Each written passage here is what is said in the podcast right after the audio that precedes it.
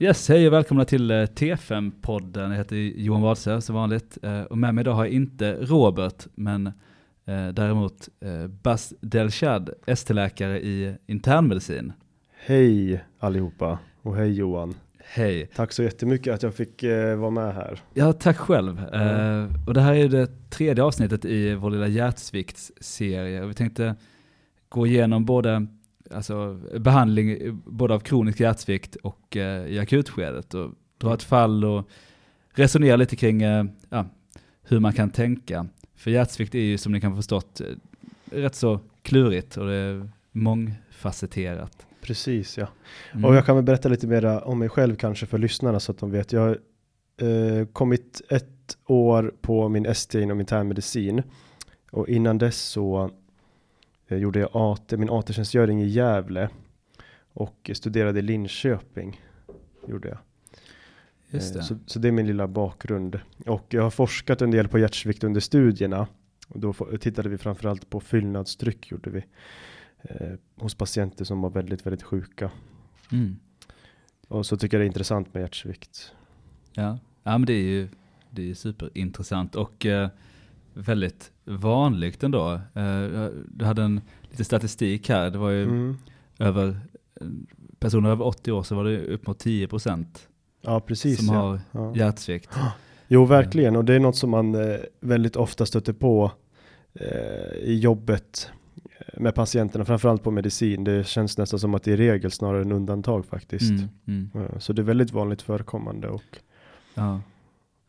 Jo, jag, jag kan tänka mig att prevalensen är ju ännu högre i, i den eh, populationen som, som vi träffar på sjukhuset, Mm. de multisjuka äldre. precis. Där lär ju hjärtsviktsprevalensen vara betydligt högre än 10 procent.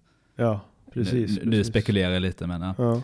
Eh, bra, nej men så vi, eh, vi börjar väl med att, att prata om liksom de kroniska här, behandlingsprinciperna och eh, om ni lyssnar på föregående avsnitt, eh, ja, vänta, det första avsnittet när vi pratade om patofysiologi, så kan jag kort säga att, att mycket av de här behandlingsprinciperna syftar ju till att liksom blockera de här kompensationsmekanismerna som, precis, som driver på den onda cirkeln, hjärtsviktens onda cirkel så att säga. precis, Eh, precis.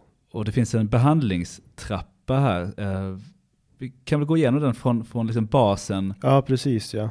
Absolut, och det är viktigt att tänka, eller jag brukar i alla fall göra det, att tänka på hjärtsvikt som eh, eh, jag brukar se det som, som ett slags tillstånd, liksom att ett tillstånd som patienten hamnar i och att det finns eh, någon orsak till varför hjärtat sviktar.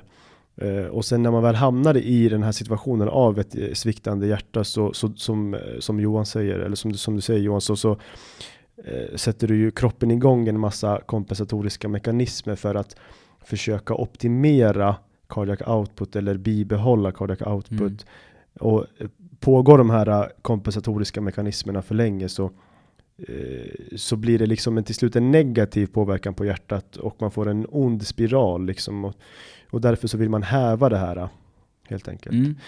Så om vi ska försöka tänka liksom på kronisk hjärtsvikt eller hjärtsvikt hos en patient i ett lugnt skede som inte är akut sjuk så eh, är ju det första jag brukar försöka ställa mig om jag har en lungsituation eh, det är framförallt att få reda på vad som är den bakomliggande orsaken till hjärtsvikt. Mm. Eh, och det vanligaste i Sverige är, eh, får du rätta mig om jag har fel, men jag tror att det är kemisk hjärtsjukdom och hypertoni. I. Norden är de två vanligaste orsakerna. Sen får man ju tänka på det här ovanliga med klaffsjukdomar och eh, dilatation eller kardiomyopatier eller inlagringssjukdomar och Mm. intoxikationer. Så det finns ju väldigt mycket. Så jag tycker att man som regel ska, ska försöka alltid ta ställning till vad är det som har gett den här hjärtsvikten Mm. eh, helt enkelt. Då. Och det första man brukar eh, eh, tänka på, det dels ska man ju klassificera eh, patienten då utifrån symptomgraden då, NYHA-klassifikation 1 till Precis. 4. Och jag vet inte om ni har... Nej, jag, jag minns faktiskt inte om vi nämnde det förra avsnittet. Nej. Eh, men precis, det är ju en sån här klassifikation utefter symptomen man har av, av hjärtsvikten. Precis ja. Och då kan man säga att eh, eh, klassifikation 1 då, eller NYHA ja, klassifikation 1 är ju en patient som i princip är opåverkad, men man har konstaterat diagnosen hjärtsvikt. Men ja, en patient som kan klara av att göra, utföra liksom vanlig fysisk aktivitet och eh, ja, mår liksom i princip helt bra kan man säga. Mm. Eh, och det är patienter i klass 1, om de skulle utföra fysisk aktivitet så eh, skulle man klara av det utan större besvär egentligen. Och eh, om man kommer i, eller om man hamnar i klass 2 då, eller om man ska gå till nästa steg så är det också patienter med konstaterad eh, hjärtsjukdom då, eller, eh, och hjärtsviktsdiagnos som mår bra i vila och vanlig eh, fysisk aktivitet, promenader kan resultera i liksom sjukdomskänsla, kanske trötthet, lite dyspné. Mm. Eh, och så klass 3 är ju då patienter som har lite mer uttalad eh, begränsning i sin, i sin fysiska aktivitet, alltså de får symptom lättare, mår bra i vila, har oftast inte så mycket besvär om de är helt stilla då, men eh, om de ska resa sig upp och gå upp för en trapp eller gå upp en våning så får man absolut eh, symptom. Mm. Och klass 4 är ju i princip en patient som har symptom i vila och är väldigt eh, dålig i sin hjärtsvikt. Mm. Eh, och så får man ju tänka på att eh, patienter kan ju komma in till akuten eller till en mottagning och eh, ha, vara i klassifikation 3 och så behandlar man dem och så, så går de, stiger de tillbaka till klassifikation 2 helt mm. enkelt. Så det är ju ett förlopp i det här med hjärtsvikten då. Precis. Men så om vi går tillbaks till det här med kronisk behandling då, så det första jag brukar tänka på då är bakomliggande orsak och sen brukar jag försöka få ett hum om vilken klassifikation det kan handla om. Men man kan säga i princip att alla patienter med hjärtsvikt ska ha en ACE-hämmare eller en eh, ARB, alltså angiotensinreceptorblockare. Precis. Uh, och lite instick här för att mm. uh, tidigare avsnittet så pratade vi om det här med HEF, REF, HEF, PEF, alltså olika typer av hjärtsvikt. Mm. Och uh, det här gäller ju framförallt om man har nedsatt ejektionsfraktion. Helt riktigt, och jättebra inhopp, för det skiljer sig lite grann på evidensen av behandling på en hjärtsviktspatient med icke bevarad EF jämfört med en patient med bevarad EF. Mm. Och det, det, här som vi ska prata om nu framförallt, det handlar ju om patienter med icke bevarad EF, där det finns liksom dokumentation och bra evidensstyrka och evidensgrad. Mm.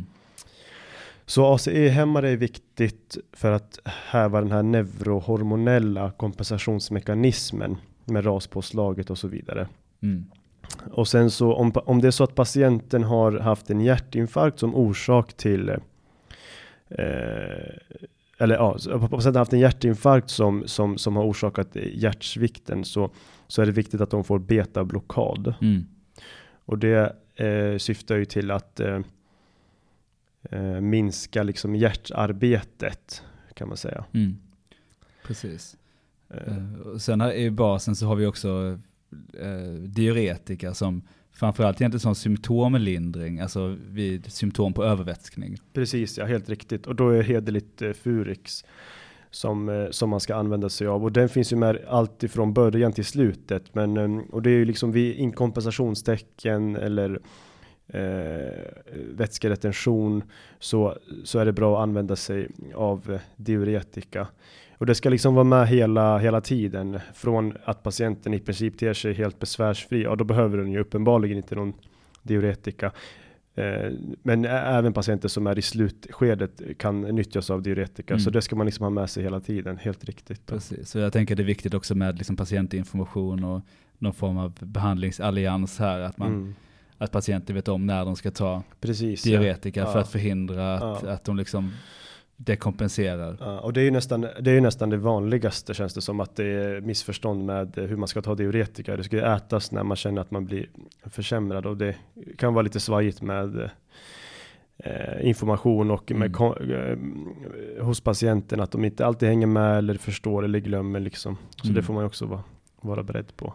Precis. Och om en patient eh, blir lite sämre då, om en patient landar någonstans på NYHA klassifikation 2 Eh, så ska det, då ska man liksom ta ställning till lite flera läkemedel i det här kroniska tillståndet och då eh, då ska ju betablockad in oavsett genes. Till skillnad mm. från tidigare om patienten har en NYH-klass NYHA klass 1 så är det alltid ACE-hämmare och betablockad om det har föranletts av, ett, av en hjärtinfarkt. Mm.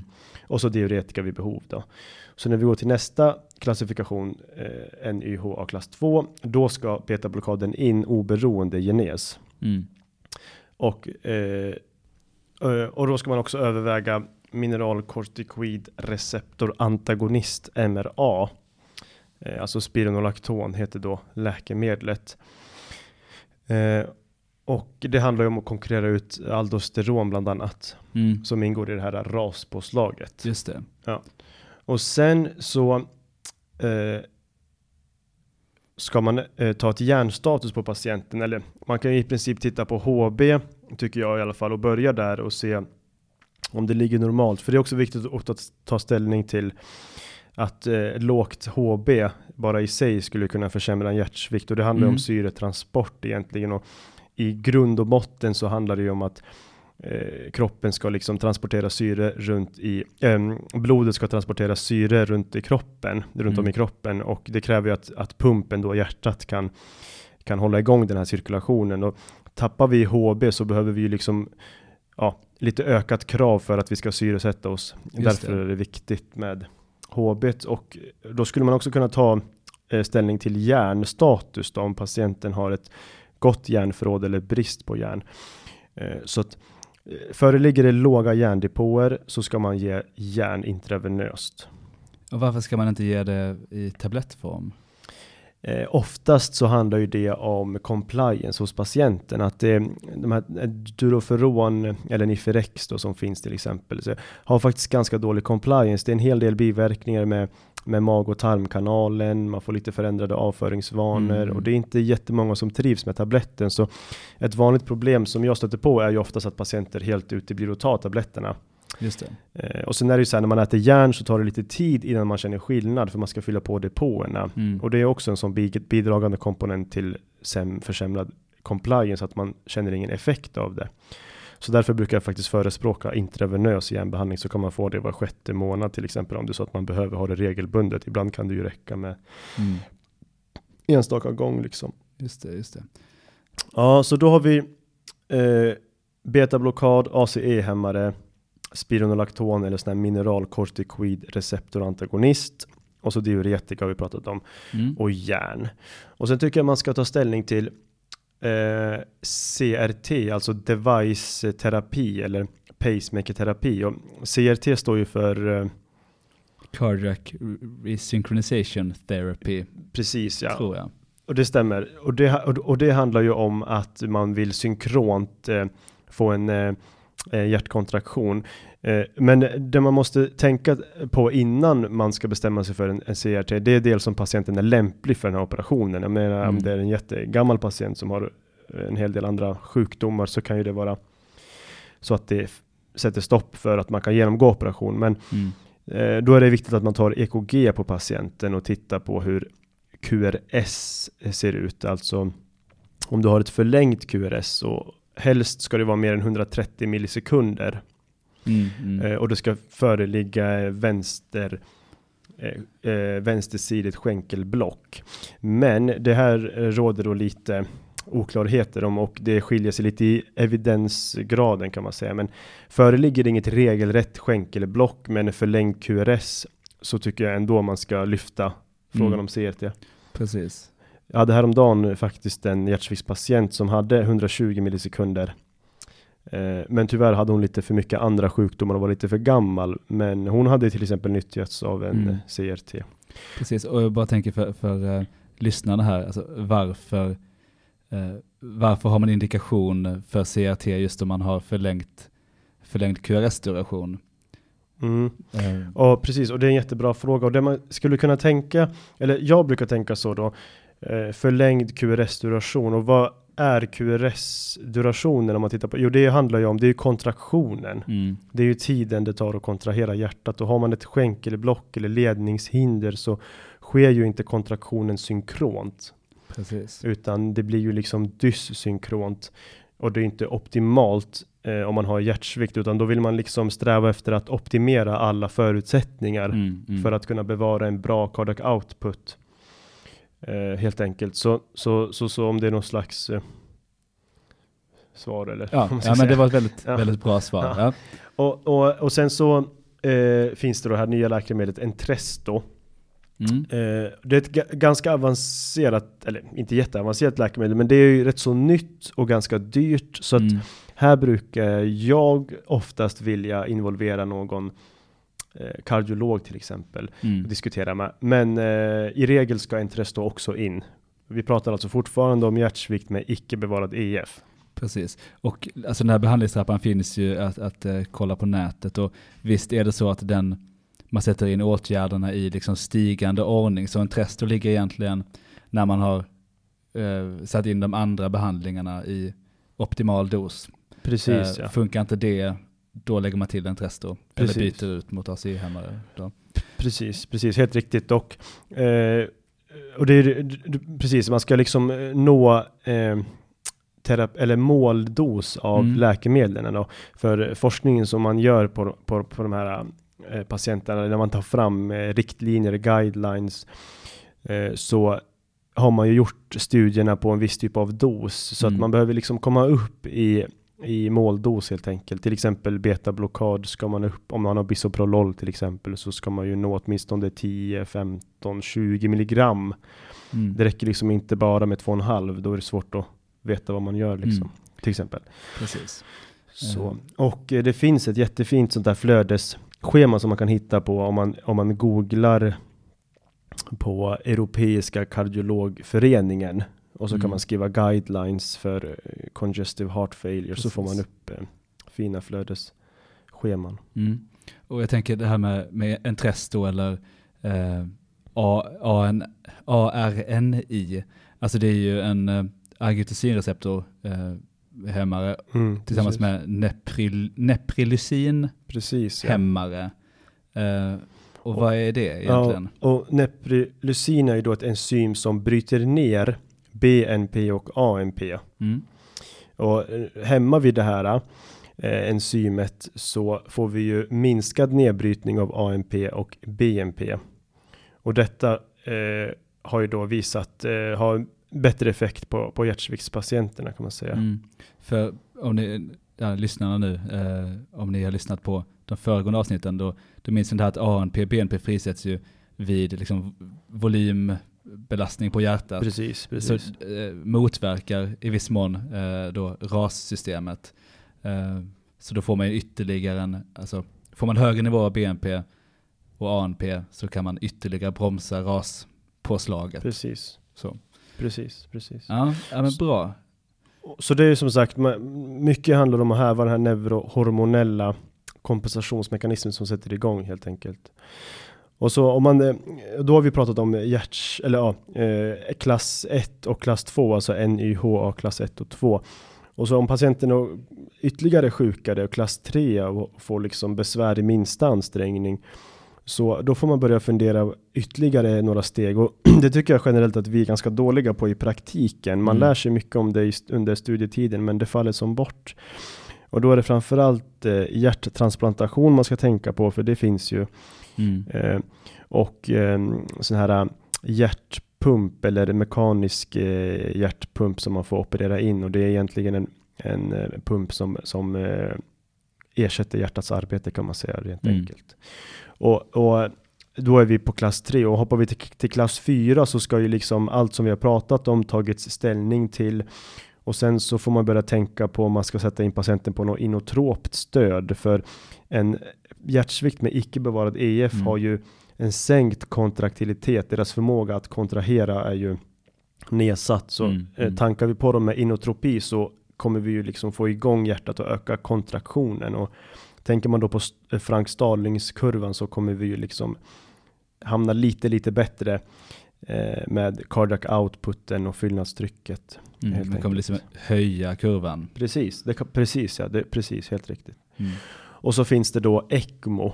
Eh, och ECMO är ju jätteintressant, men det, och det handlar ju om att man i princip tar över hjärt och lungfunktion hos patienten. Och det, skulle man, det kan ju vara en sån här eh, behandling man blir insatt på, eh, eller får, för man ligger ju oftast på en central intensivvårdsavdelning.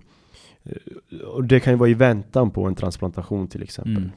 Precis, Eh, för det, det är ju väldigt eh, specialiserad Ja, ja eh, precis. Nu är vi ju precis, nu är vi långt ifrån det vanliga Mm. liksom. Och så slutligen så finns det ju alltid palliation med. Det tycker jag man ska ta ställning till. Har man kommit så pass långt att det inte finns så mycket mer att göra. Man har tömt de resurser, tömt de möjligheter som finns. Så får man ta ställning till patient, till palliation och palliativ vård. För hjärtsvikt är ju en terminal sjukdom. Man kan ju som inte bota hjärtsvikten riktigt. Utan det har ju sitt naturalförlopp.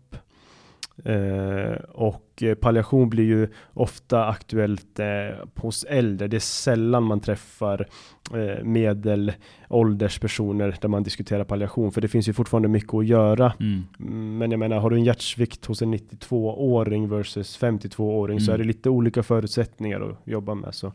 Och palliation det handlar egentligen bara om renodlad eh, symptomlindring alltså.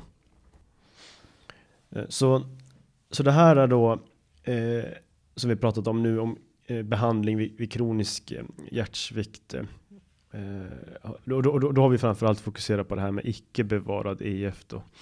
Och det finns ju jätte, jättemycket material att, att hitta på, eh, på nätet om kronisk hjärtsvikt. Jag, jag har för mig att eh, Läkartidningen har en ABC Mm. om kronisk hjärtsvikt som jag tror kan vara bra att titta på. Och eh, även guidelines också. Mm. Men jag tänkte bara att jag, ska, jag ska kommentera lite grann om eh, behandling av kronisk hjärtsvikt eh, hos en patient som har en bevarad EF, alltså HEF-PEF. Mm. Och det är ju lite eh, knepigare för att det finns inte så mycket evidens och egentligen kan man kort säga att den evidens som finns det är att behandla samtidiga sjukdomar. Mm. Alltså om patienten har ett högt blodtryck till exempel så är det viktigt att ta ställning för det eller höga blodfetter eller eh, ja, om det är en rökare så är det också viktigt att, att Mm. tänka på sånt. Men sen så finns det då evidens för att patienter som har symptom av sin hjärtsvikt och, och, och, om det är bevarad Mm. EF så då får man liksom gå in och behandla med diuretika Mm. helt enkelt. Och i praktiken Johan så skulle jag säga att man man nästan i princip eh, går in med medicinerna som man gör vid icke bevarad EF hos Mm. de här eh, för att det finns inte så mycket annat att ta till egentligen. Just det. Ja. Men eh, det överlappar i viss mån, alltså indikationerna, när vi tänker hypertoni, Ja. då har vi Ja, men- AC-hämmare pre- också och precis. betablockad. Precis. Mm. Ja men det är intressant. Mm. Eh, bra, men då kanske vi ska gå vidare till eh, mer akut Ja, hjärtsvikt. ja, precis. Eh, Och eh, akut hjärtsvikt, eh, i min, jag brukar oftast, eh, det träffar man ju väldigt ofta tycker jag på, på, på, på akutmottagningen. Mm. Och det, den typiska bilden är att någon söker med andningsbesvär, oftast tilltagande andningsbesvär som kanske har akutiserats och sen mm. har man blivit jättedålig och kommer in. Eh, och jag, jag brukar, vi- man, vi jobbar ju olika allihopa, men jag brukar oftast försöka approacha då eh, de här patienterna med akut hjärtsvikt. Det, det första jag brukar försöka ta ställning till, eller jag tänker i form av A, B, C, D, E. Mm. Eh, det är väldigt sällan jag brukar ha något problem med luftvägen hos de här patienterna, men det får man ju liksom uppenbart åtgärda om man ser eller noterar något sånt. Men oftast är det ju B-problem, Mm. hög andningsfrekvens och dålig saturation Mm. oftast dämpade andningsljud när man lyssnar. Eh, och misstänker jag att det är en akut hjärtsvikt så eh, då vill jag se saturationen. Är det så att den är påverkad så måste man ge syrgas. Precis, och, vilken, när du säger påverkad nu, vilka liksom syrgas Ja, eller POX-nivåer? ja, precis. Och det där är ju också en jättebra fråga. Och då får man ställa sig frågor. Finns det någon annan samsjuklighet? Har patienten till, till exempel någon KOL-sjukdom? Mm. Eller är de sjuka i lungorna på något annat sätt som skulle kunna ge att de har låg saturation i vanliga fall? Ja, då skulle jag försöka lägga mig på den nivån. Men om vi utgår från att patienten inte är lungsjuk och då skulle jag sträva efter en, en saturation på över 90 procent. Eh, och då får man ju liksom ge syrgas eh, för att få upp saturationen. Mm. Men man måste som sagt tänka på vad det kan finnas för bakomliggande sjukdomar och sen så måste man också ganska tidigt i förloppet tycker jag ta, ta ställning till en artärblodgas eh, Mm. för att få en uppfattning om hur det ser ut med eh, syresättning i, i blodet och också koldioxidnivåerna är viktigt. Eh, för här får man då börja tänka på om man ska eh, behandla patienten med någon slags NIV, alltså non-invasive ventilator. Och då Mm. eh, BiPAP eller CPAP. Eh, och sk- skillnaden är ju egentligen att eh, de, ja, CPAP har, har en eh, kontinuerligt eh, positivt tryck Mm. medan BiPAP varierar lite. Och Just det, lite olika tryck vid in och utandning. Precis, ja. det hela handlar ju egentligen om att man vill öppna upp alveolerna, man vill ventilera ordentligt men också avlasta eh, eh, hjärtarbetet. Just det, för visst är det så att när man har ett positivt inandningstryck eh, då får man ett högre intratorakalt tryck och därmed ett lägre venöst återflöde. Precis, Så man minskar preload och avlastar det här liksom, överbelastade hjärtat. precis. Precis, men då måste man också vara, vara försiktig med blodtrycket för det kommer ju sjunka när man Just det. börjar med sån här behandling. Mm. Inte jättemycket och inte jättefarligt men ligger de på 90 systoliskt då får man fundera ordentligt innan man sätter på. Mm. Ja men det är klokt. Och de måste vara vakna, de måste kunna medverka annars är det ingen idé. Just det. Och det, det kan ju vara rätt så eh, obehaglig behandling. Eller det, alltså, Ja, det är ju en mask som sitter helt tätt. Lite som sån här Bane i, vad heter i i Batman. Ja, Lite den det. typen av mask liksom. Ja, ja, ja, Ja. verkligen. Det är en bra liknelse. Ja. Jag, jag har faktiskt provat, har du provat BiPAP Ja, någon gång? ja. Det är, det är lite, lite otäckt där. Det var skjutsar ner luft i lungorna och så det kan kännas väldigt instängt tycker Mm. jag. Verkligen. Om man då redan har kraftig dyspné Ja. liksom, och ångest så. så Verkligen ja. alltså. Och jag menar, det försöker jag vara väldigt eh, mån om att det sköts på ett liksom ordnat sätt. Att man kanske drar ner belysningen lite, sitter och pratar. Ofta ska man sitta med masken liksom framför Mm. patienten. Och, och så får man liksom successivt sätta igång då. Mm. Eh, så det, och sen så, ja, det handlar om att askutera lungorna, har man dämpade andningsljud så ska man ju såklart, eh, såklart så ska man överväga eh, diuretika, fu, Furixbehandling då. Furosemid, eh, intravenöst. Eh, och det handlar egentligen om att patienten ska komma igång och eh, kissa. Vi vill liksom driva ur patienten på vätska för att så småningom kunna förflytta vätskan extravasalt, intravasalt Mm. i lungorna. Precis. Och förutom dämpade andningsljud så kan man ju höra de här karaktäristiska blöta rassel, Precis, eller våta ja. rassel.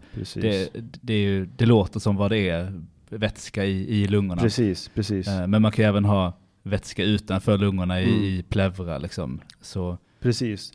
ja. Precis. Och det är bra med det här med eh, eh, hur man eh, beskriver eller uttrycker sig. Nu säger jag dämpade andningsljud, men det är precis som Johan säger, man ska ju beskriva vad det är man hör. Ja, någon gång så ringde jag en eh, narkosläkare på en patient som hade jobbet och då sa jag att det bubblade i lungorna. Mm. Och det tyckte han var lite roligt. Men han förstod ju vad jag menade liksom. Mm. Så att det, det är väldigt viktigt. Det är bra att du säger det.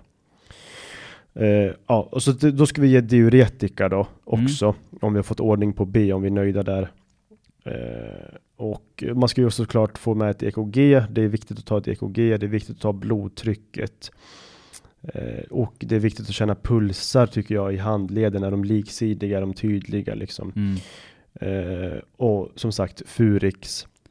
Precis, så kom vi in lite på, på C här, det här med, med, med blodtrycket. Mm. Eh, kan man säga någonting, liksom vilka, vilka blodtryck är vanliga hos de här patienterna? Eller finns det olika typer av klinisk bild avseende blodtrycket? Ja, precis. Alltså, eh, det är en jättebra fråga och, och oftast så kan det vara så. Det, det beror på liksom hur akut det är, men om det är liksom en ordentlig jätteakut eh, hjärtsvikt och så fulminant, om det är ett lungödem till och med, så, Mm, mm. eller en hypertensiv kris som har gett ett lungödem, så de kan ha jättehöga blodtryck som gör att det liksom helt, eh, ja, det får liksom bägaren att rinna över eller det tippar över. Mm. Men sen kan det ju vara de här som inte är superakuta men är liksom ändå har hög andningsfrekvens, saturerar sig inte jättebra. De kan snarare ligga och kanske lite åt det lägre hållet Mm. för de har så mycket behandling.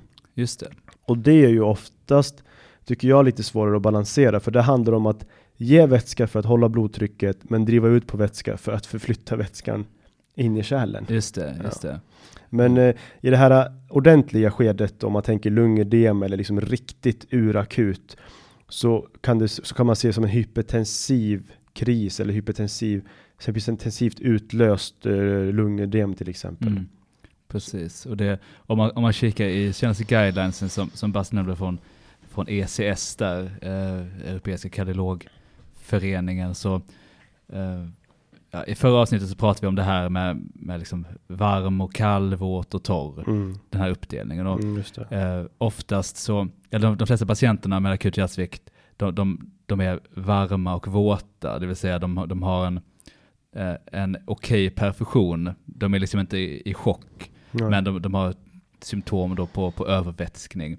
Men, men där kan man också dela upp det lite, eh, om det är liksom en generell, eh, att de har för mycket vätska i hela kroppen, Mm. eller att vätskan är felfördelad. Precis, ja, Eh, precis.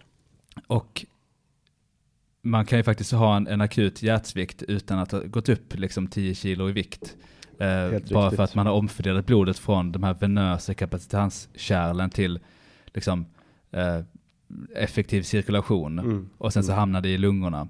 Eh, och de patienterna, som jag förstått det, har ju ofta eh, högt blodtryck. Precis. Eh, Medan de här patienterna som du nämnde, som kanske mer generellt för mycket Mm, vätska i hela mm, kroppen, mm. kan ha ett lite mer normalt på väg mot lågt blodtryck. Precis, ja, precis. Helt riktigt. Helt riktigt. Så då har vi Furixen där då, Mm. syrgasen och lite om NIV och eh, någon, inte, någon, in, in, någon invasiv ventilation. Precis. Eh, och om, det, om, man, om, om man ska tänka sig att, att, att det är ett, ett ak- akut hjärtsvikt och med, med eh, högt blodtryck och hypertensiv kris nästan. Så är det viktigt att försöka behandla ner blodtrycket såklart. Och, och då Furixen kommer ju i sig ha en blodtryckssänkande effekt, men mm. kanske inte så snabbt som man vill, utan det kommer lite senare. Så då är det ju viktigt att använda sig av någon slags vasodilaterande, för man får ju tänka sig eh, akut hjärtsvikt. Du, vi, vi vi vill liksom avlasta hjärtat både preload och afterload. Och sänker vi blodtrycket så kommer vi ju lätta på afterloaden. Och ger man då till exempel nitroglycerin eh, i sprayform eller i ren infusion så Mm. kommer vi dilatera kärlen. Mm. Eh, och vad jag, utifrån det jag kan komma ihåg så är det framförallt på den venösa sidan som Mm. dilateras. Men man har också även effekt på den arteriella sidan. Ja, men precis. Ja. det är framförallt vid lite högre doser. Ja, Okej, det är så. Ja, eh, precis. Ja, Som ja, jag har förstått det. Ja, ja. Och, och, eh, och det avlastar ju också hjärtat. Så de här åtgärderna man gör, det, det, det siktar ju, eller syftar mycket till på att avlasta hjärtat. Jag skulle kunna säga syrgastillförseln är väl det enda som kanske inte avlastar Mm. hjärtat utan bara hjälper till med liksom saturationen. Ja. Annars, NIV avlastar ju. Furix kommer ju avlasta så småningom. Mm. Och Nitro också liksom. Så att, ja, man vill liksom hjälpa hjärtat. Eh, eller eliminera tung, tung, tung belastning liksom på hjärtat. Precis. Och eh, här gäller det också att fundera på blodtryck och parametrar. Om man vill ha liksom patienten eller uppkopplad och man vill ha koll på pulsen och Mm. Eh, så.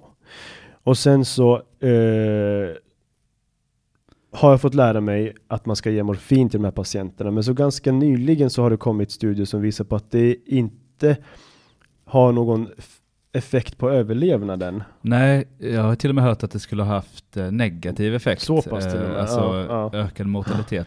Så att eh, där får man ju gå ifrån tänker jag. Och för det, det här med morfin tror jag dels syftade till att eh, ja, man skulle på något sätt sänka andningsarbetet och liksom få patienten att bli lite lugnare. Mm. tror jag var tanken med det. Men man skulle ju istället för morfin kunna överväga någon slags bensodiazepin då. Ja, Om det är så att patienten är orolig. För det är ju jättetungt med dyspné. Det är ju ett symptom som är väldigt jobbigt. precis. Och eh, eh, jag har liksom inte reflekterat över det så mycket. Men bara för några dagar sedan när vi spelade fotboll och jag blev liksom riktigt flåsig. Och så tänkte jag att känna så här liksom i vila. Ja, Det, måste, det, måste, det, det skulle ju ge mig panik. ja alltså. men verkligen. Och det är ju, man andas ju liksom 30 i minuten. Mm. 35 i minuten och bara strävar efter att få luft i sittandes liksom. Ja, det måste vara fruktansvärt. Så att eh, ja, jag, jag, kan verkligen förstå att man måste liksom tänka på den psykologiska komponenten Mm, att man måste ha mm. patienten med sig för det eh, kräver verkligen det. Verkligen. Bra, men för att repetera lite nu då. Eh, tänk ABCDE, Ja, framförallt BC är ju där man hittar de här klassiska hjärtsviktssymptomen och de Mm. sakerna man åtgärdar. mm, Och eh, un- under B då syrgas, om, framförallt om man har under 90 eh, i Precis. saturation. Eh, ta en artärgas tidigt för att värdera liksom, eh, ja, men även koldioxid, eh, partialtrycket.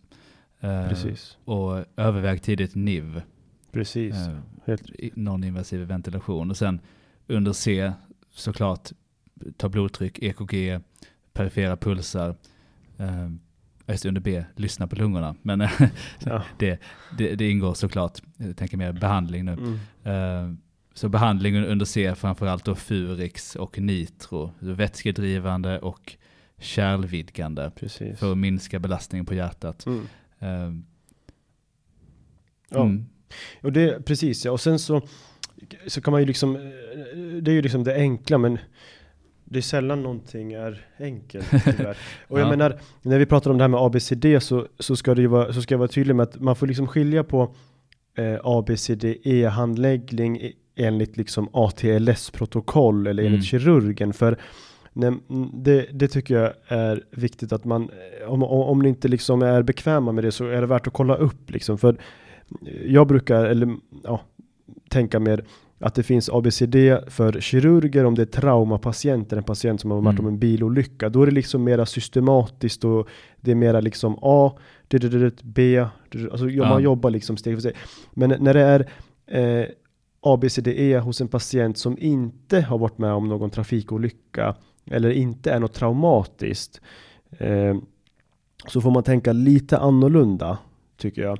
Eh, Det Mm. kan vara lite andra parametrar man tar hänsyn till. Det är lite andra undersökningar man vill få med till exempel. Så om det är så att man till exempel läser om det här och sen så ser man att det står ingenting om artärblodgas för det ingår till exempel inte som standard i ett ABCD han, handläggning hos en, hos en kirurg eller traumapatient. Men mm, på oss, eh, hos oss på medicin, om det kommer in en patient som är akut dålig så är det jättevärdefullt med en artärgas. Jag, jag personligen gör inte jättemycket förrän jag får se en gas, för det hjälper mig väldigt mycket. Man Mm. får pH-information, du får salter och elektrolyter. Så, så bara för att liksom bena ut det här med eh, när man säger tänk ABCDE och så läser man om det och så, ja, så, så Ja, att det finns det- liksom lite skillnader. Ja, det, det är en väldigt bra poäng och det är liksom, det är inte så att man behöver eh, säga högt rakt ut till sköterskan som står bredvid.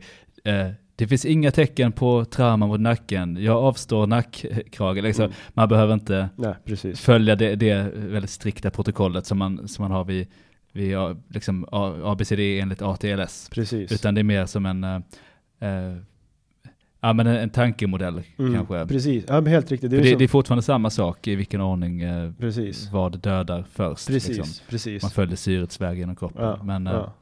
Jag brukar mm. ofta säga eh, ABCD på, eller ja, ja, jag gör ett ABCDE hos en icke-traumatisk patient versus en traumatisk patient. mm, Eh, lite så kan man grovt eh, dela in det. För till exempel då, hos en icke-traumatisk patient så eh, finns det ju lite värde om huruvida man ska ta glukos eller inte och när du ska ta. Så, så, det, så det är lite, lite skillnad. Men, men det som är bra med det här med ABCD, det är ju liksom, det finns, det är en grund. Det är som, Mm. precis som du säger, vad dödar patienten först och vad är viktigt att tänka på.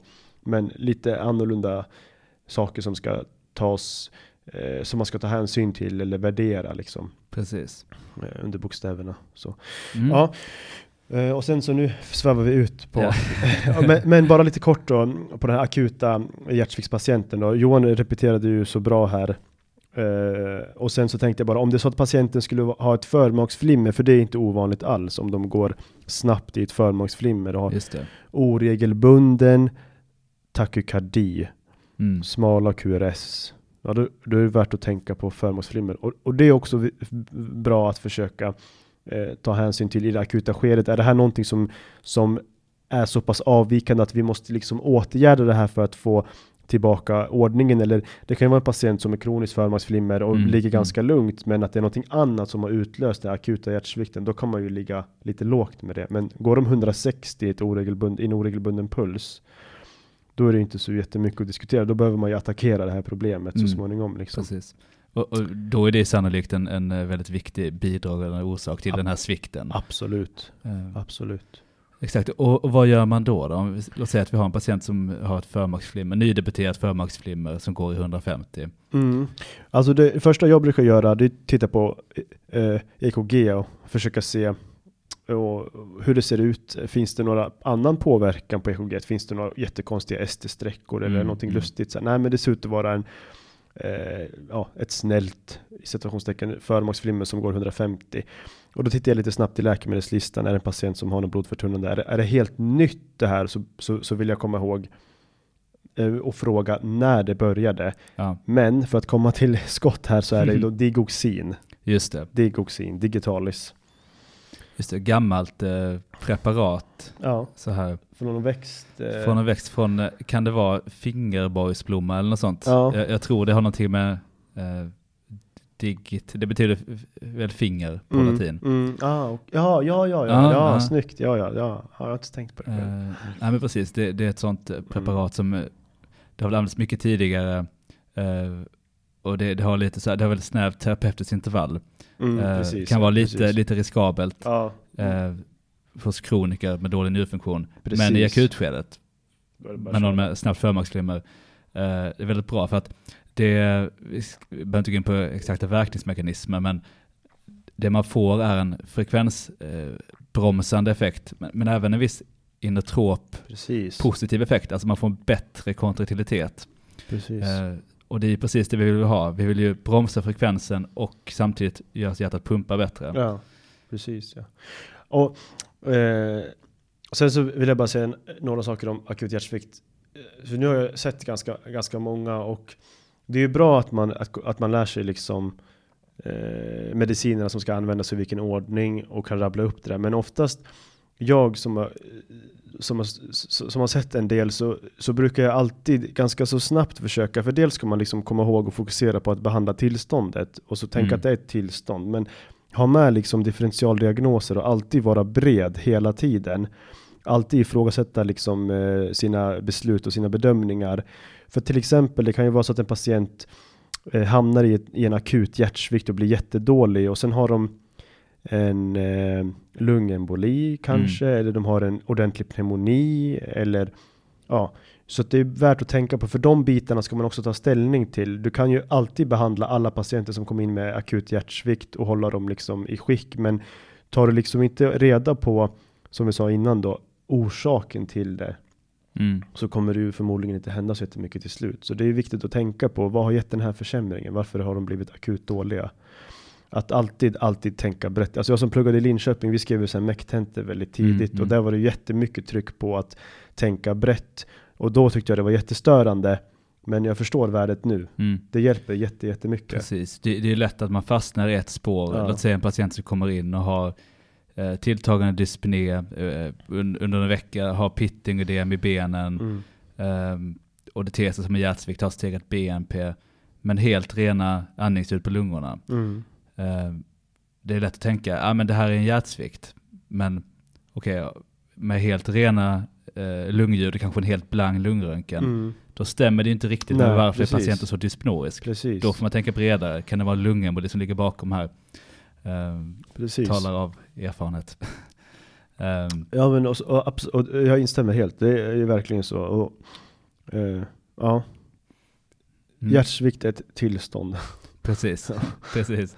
Eh, yes, men då har vi gått igenom det mesta av den vanligaste akutbehandlingen. Vi, vi kan nämna här också med trombosprofylax, för det, Mm. eh, det, det kan vara värt att sätta in, framförallt hos en sån här patient som har ett nydebuterat förmaksflimmer också, att sätta in fragmin. Precis. precis. Eh, för eh, ja, men, om man har ett förmaksflimmer har man indikation för antikoagulantia. Men eh, att, att eh, vara på sjukhus, kanske med en svår hjärtsvikt och vara helt nästan immobiliserad, Mm. i sig ökar ju också risken för eh, trombos, Mm. djup ventrombos och så. Absolut, ja, Eh, absolut. Det, det, Jättevärdefullt eh, att, att, att, att eh, tänka på den biten också. Eh, och ta ställning till det liksom, eller åtminstone lyfta det och diskutera det.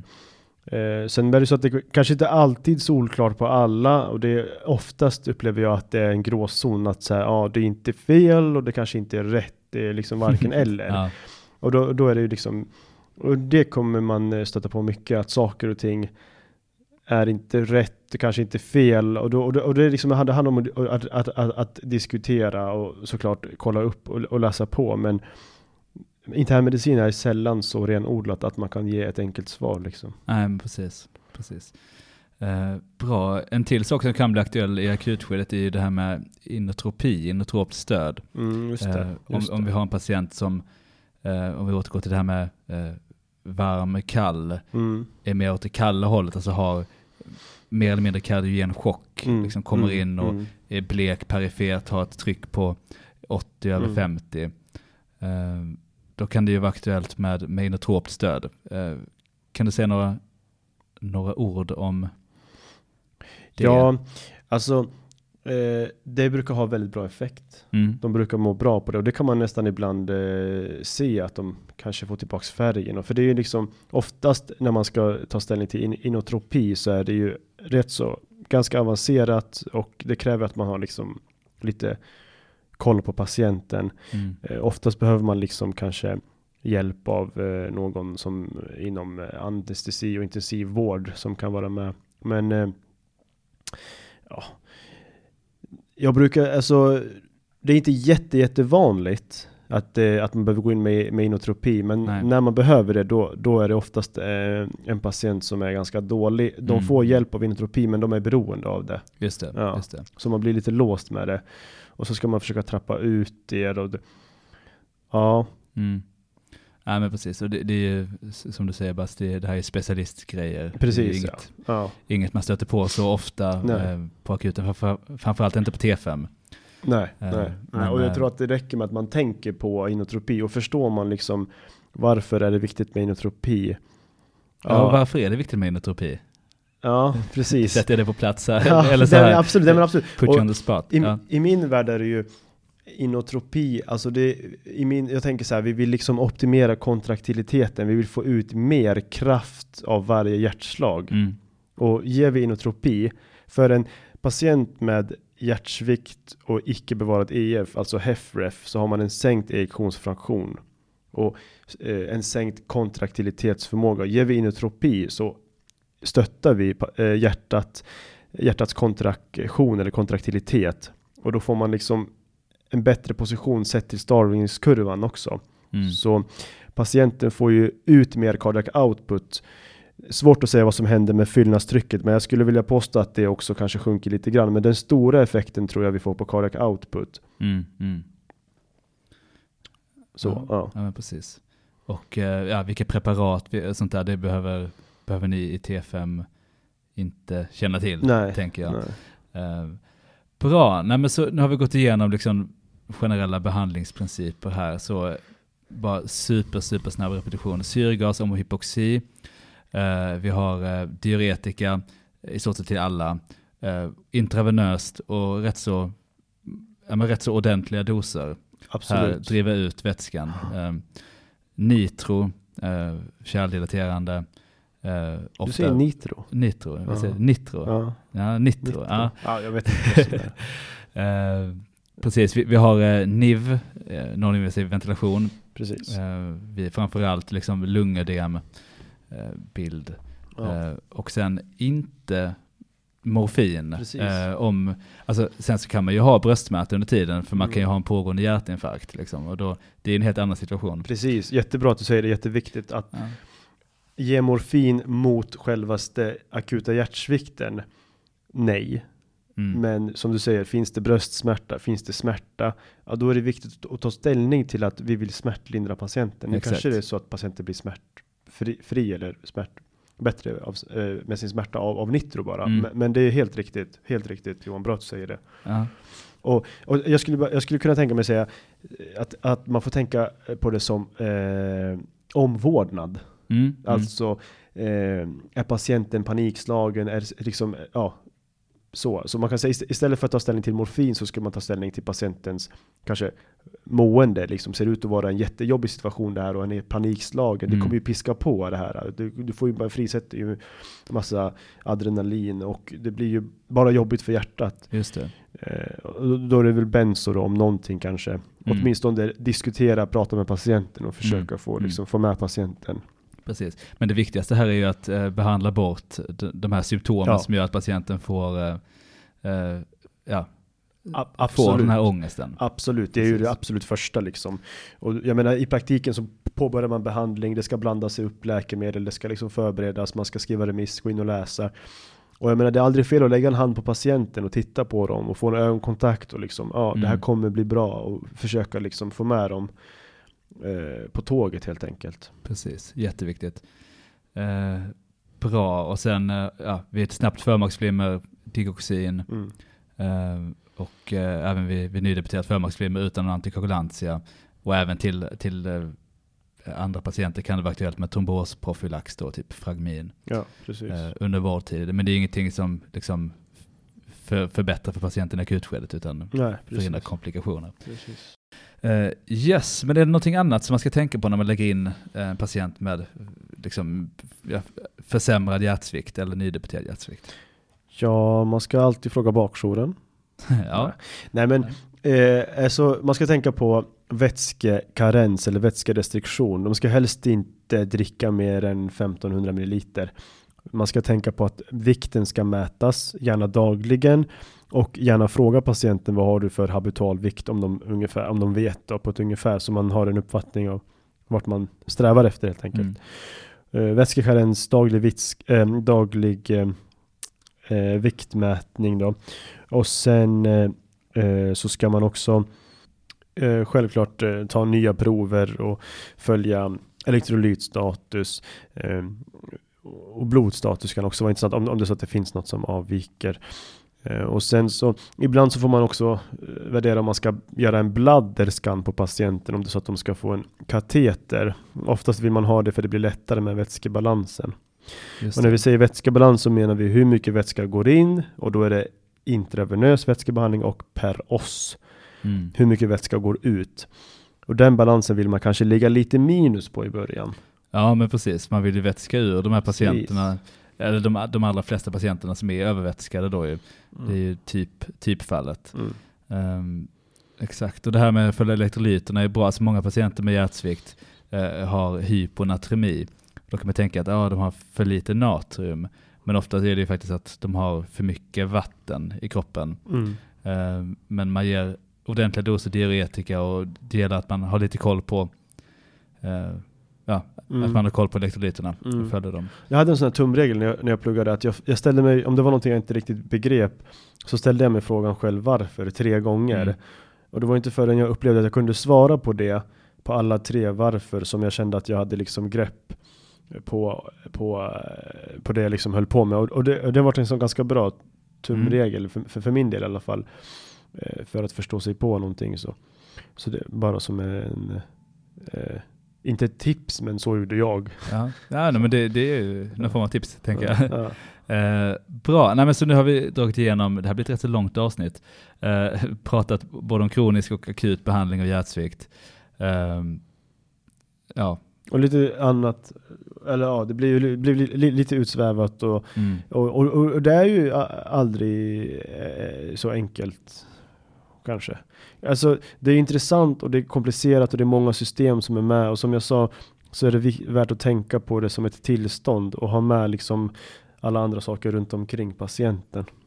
precis. Mm. Eh, bra, några slutgiltiga tips för eh, T5-studenterna eller andra som lyssnar på det här? Ja, alltså det är viktigt att eh, ha roligt under studietiden.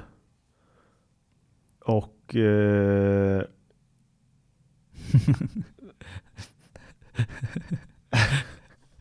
Ja, Och eh, eh, ge inte upp. Det är Nej. svårt men det ger med sig till slut. och till slut så kommer du sitta och vara konsult som Basse har varit idag och helt slut i huvudet Mm. efter att ha blivit intervjuad av mig. Ehm, bra, tack så jättemycket eh, för din medverkan Bas. Tack så mycket att jag fick vara med och superbra jobbat Johan. Detsamma. Hej då. Hej då, hej då.